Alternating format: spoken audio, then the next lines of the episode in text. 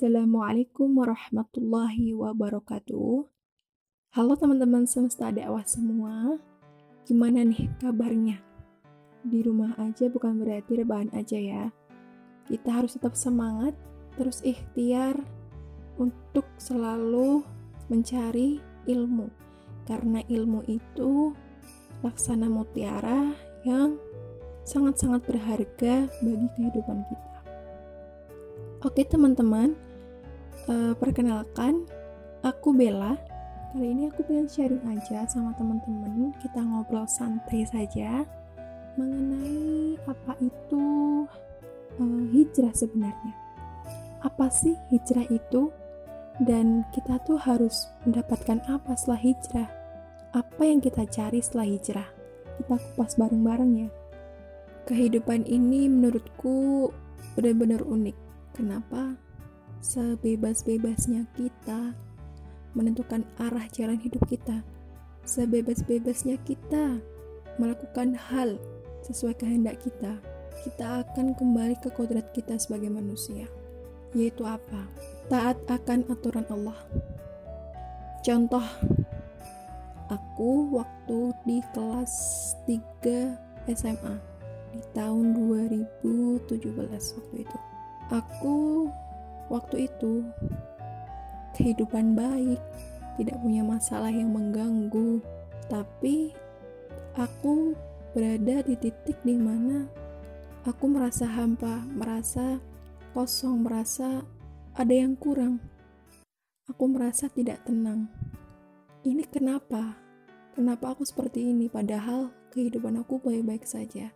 Dan ternyata setelah aku cari-cari setelah aku berusaha apa sih mencari tahu penyebabnya ternyata aku tidak dekat dengan Tuhanku sang pemilik bumi dan juga pemilik diri ini.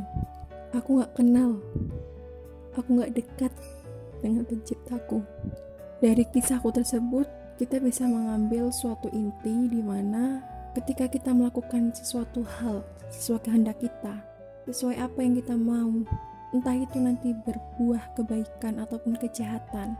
Jika kita tidak sesuai dengan kodrat kita, dengan aturan kita, kita akan merasa tidak tenang. Kita tidak, kita akan merasa ada yang kurang karena kita tidak sesuai dengan aturan yang ada.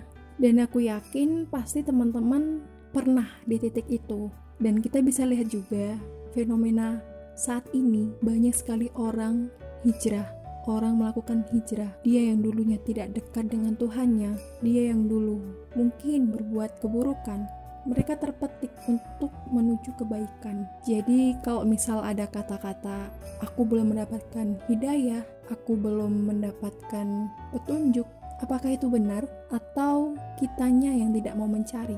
Padahal di Al-Quran, Allah menyebutkan bahwa semua kejadian, semua apa-apa yang di bumi ini adalah petunjuk.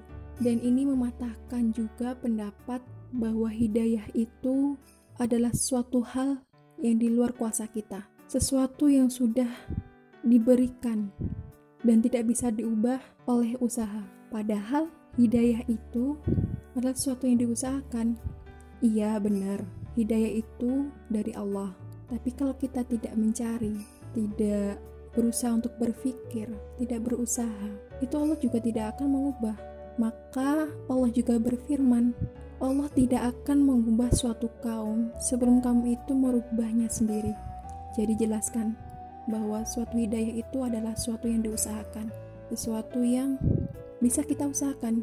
Nah, setelah kita merasa terpetik ada sesuatu yang salah, ada sesuatu yang kurang, dan kita berusaha untuk menuju kebaikan dan kita memutuskan untuk hijrah istilahnya. Itu tidak hanya cukup di situ. Karena suatu perpindahan sesuatu yang awalnya kita lakukan setelah itu kita tidak lakukan itu akan berat sekali. Kalau kita tidak mengetahui alasannya maka dari itu seseorang yang hijrah itu penting banget mengetahui alasan kenapa dia harus berbuat seperti itu, kenapa dia harus hijrah. Makanya penting sekali bagi teman-teman, terutama aku, itu ngaji. Karena dengan ngaji kita itu bisa melihat agama Islam ini dengan luas.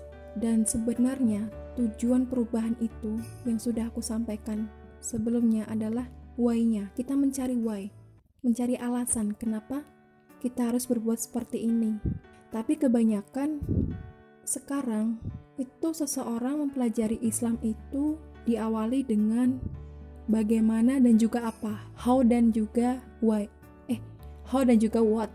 Padahal kalau kita mencari why-nya dulu, alasannya dulu, what dan how-nya itu akan mengikuti. Contoh, kita akan mempunyai kewajiban untuk sholat, pertama sholat lima waktu. Dan kita disunahkan untuk menambah sholat lain seperti sholat rawatib, sholat sunnah lain seperti duha, tahajud.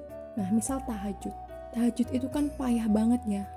Dalam keadaan yang payah, di mana kita harus melakukannya itu di waktu kita sedang istirahat, sedang enak-enaknya tidur, dan kita harus bangun untuk sholat. Kalau sesuatu itu tidak didasarkan atas alasan kenapa kita harus melakukan sholat tahajud, kita pasti akan berat banget untuk bangun. Nah, kalau kita sudah tahu nih, oh keutamaan keutamaan sholat tahajud tuh ini ini ini. Kita kan tahu alasannya ya, kenapa kita harus melakukan tahajud karena tahajud itu memiliki keutamaan ini ini ini. Nah, dari situ kita pasti sudah otomatis untuk cari tahu sholat tahajud itu berapa rakaat sih? Maksimal berapa rakaat? Terus dilakukan di jam-jam berapa?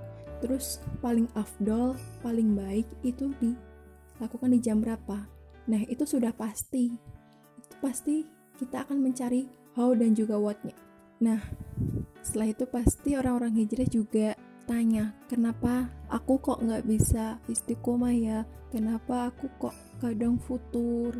Kok aku nggak bisa istiqomah terus?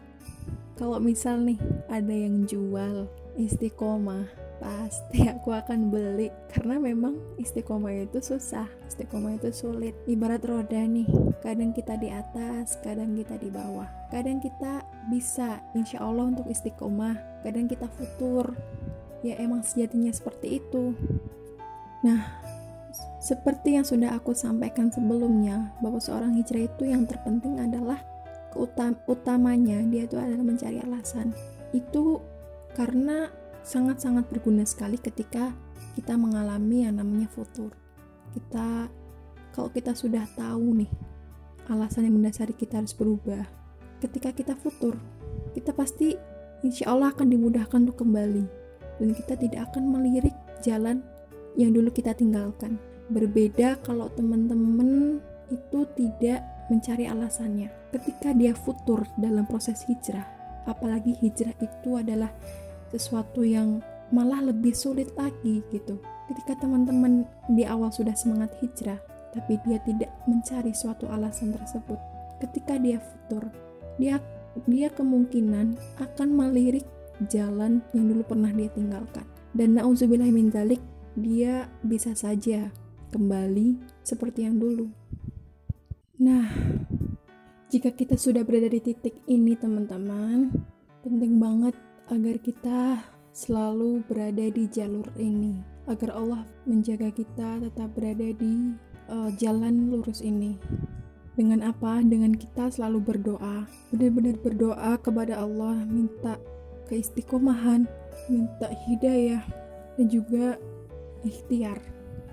Ikhtiarnya itu dalam bentuk kita belajar agama, belajar lebih lagi mencari ilmu Kemudian terakhir adalah tawakal. Kita benar-benar berserah diri kepada Allah. Kita yakin bahwa Allah akan memberikan yang terbaik. Allah pasti akan memberikan yang terbaik. Itu. Jadi keep fighting ya teman-teman. Kalau jalan hijrah itu adalah kita bertempur dengan hawa nafsu kita. Semoga kita semua tetap berada di jalan yang Allah ridhoi dan semoga kita semua bisa bertemu lagi di surganya Allah nanti. Amin. Sekian teman-teman yang bisa dapat saya sampaikan. Jika ada salah kata, mohon maaf. Semoga video kali ini atau podcast kali ini bermanfaat bagi teman-teman semua. Wassalamualaikum warahmatullahi wabarakatuh.